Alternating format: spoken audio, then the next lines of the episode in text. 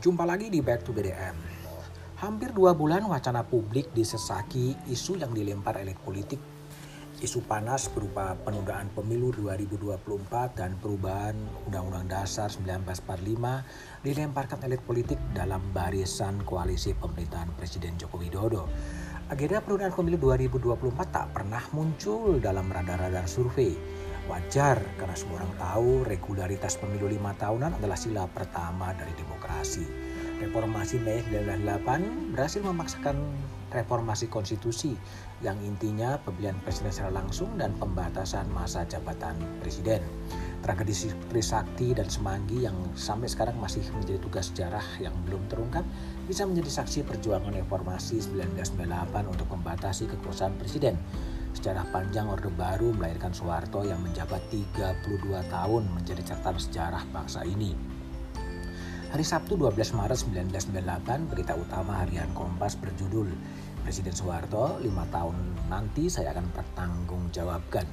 Presiden Soeharto mengangkat sumpah sebagai Presiden 1998-2003. Ketua Umum Golkar dan juga Ketua MPR Armoko sukses membujuk Soeharto maju lagi menjadi Presiden untuk ketujuh kalinya. Perubahan begitu cepat, unjuk rasa terjadi di sejumlah tempat. Aparat melakukan represi, sejumlah mahasiswa Trisakti ditembak, dan gejolak politik pun memuncak dengan berita Kompas 21 Mei 1998 berjudul Selamat Datang Pemerintahan Baru, 11 Menteri Equin mundur. Soeharto akhirnya menyatakan berhenti sebagai presiden dan digantikan Wapres B.J. Habibie yang kemudian bersama MPR mempercepat pemilu 2003 ke 1998. Memori Maret dan Mei 1998 kembali mencuat ke permukaan saat elit politik mewacanakan menunda pemilu 2024. Kelompok masyarakat sipil atau kekuatan tengah yang selama ini seperti terlelap dengan kenyamanannya terbangun. Saya mengirimkan pesan kepada seorang aktivis yang kini menjadi duta besar. Ia merespon singkat, aku sedih mengapa jadi begini. Elit politik dominan menentukan agendanya. Undang-undang KPK yang menjadi amanat reformasi digergaji Undang-Undang Mahkamah Konstitusi diubah untuk memperpanjang masa jabatan Hakim Konstitusi. Undang-Undang Cipta Kerja disahkan, kemudian dikoreksi MK sebagai inkonstitusional bersyarat. Undang-Undang Ibu Kota Negara disahkan. Ibu Kota Negara segera pindah dari Jakarta ke Penajam Pasir Utara Kalimantan Timur Agustus 2024. Padahal dalam kampanye dan dalam dokumen kampanye tidak pernah ada capres atau parpol yang mengkampanyekan pemindahan ibu kota. Ibu kota negara Nusantara jika semuanya berjalan lancar bisa melengkapi legasi Presiden Jokowi di bidang pembangunan infrastruktur. Masyarakat sipil seperti tersentak saat elit mewacanakan penundaan pemilu. Kekuatan masyarakat sipil atau kekuatan tengah yang menjadi jembatan antara negara, partai politik, dan masyarakat perlu melakukan introspeksi diri. Saya teringat pada wawancara dengan Ole Tonquist, profesor politik dari Universitas Oslo dalam wawancara dengan Kompas 8 Juni 2014. Ia menyebutkan dominasi kelompok bisnis harus diimbangi dengan gerakan berorientasi kerakyatan.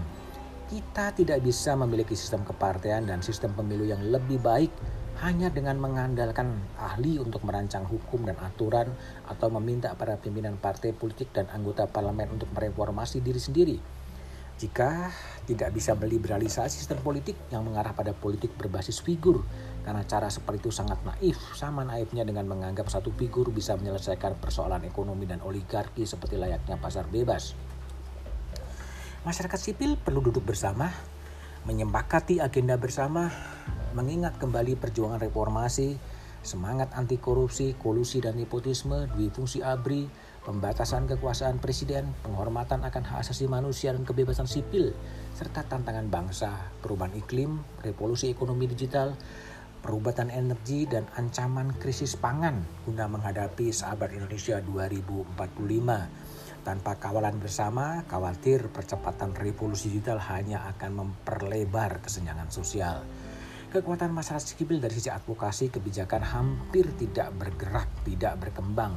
Kelompok anti korupsi masih menyandarkan diri pada ICW yang cenderung memudar seiring dengan memudarnya KPK. Dari sisi advokasi HAM masih tersisa diaspora LBH, Kontras, dan Elsam yang nampak mulai kehilangan energi dari sisi dari sisi lingkungan hidup masih ada Walhi yang juga tampak sendirian.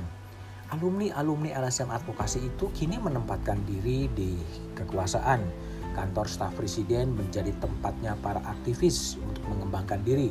Sayangnya kelompok-kelompok itu terfragmentasi dalam isu-isu parsial. Meski dalam gerakan voluntarisme muncul gerakan baru di Jogja seperti Sonjo yang berfokus pada gotong royong menolong sesama gerakan.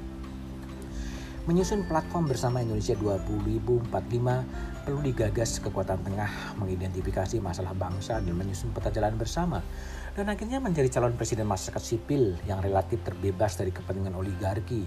Kekuatan tengah didorong jadi kekuatan penyimbang ketika kekuatan parpol lebih banyak mementingkan agenda politiknya sendiri.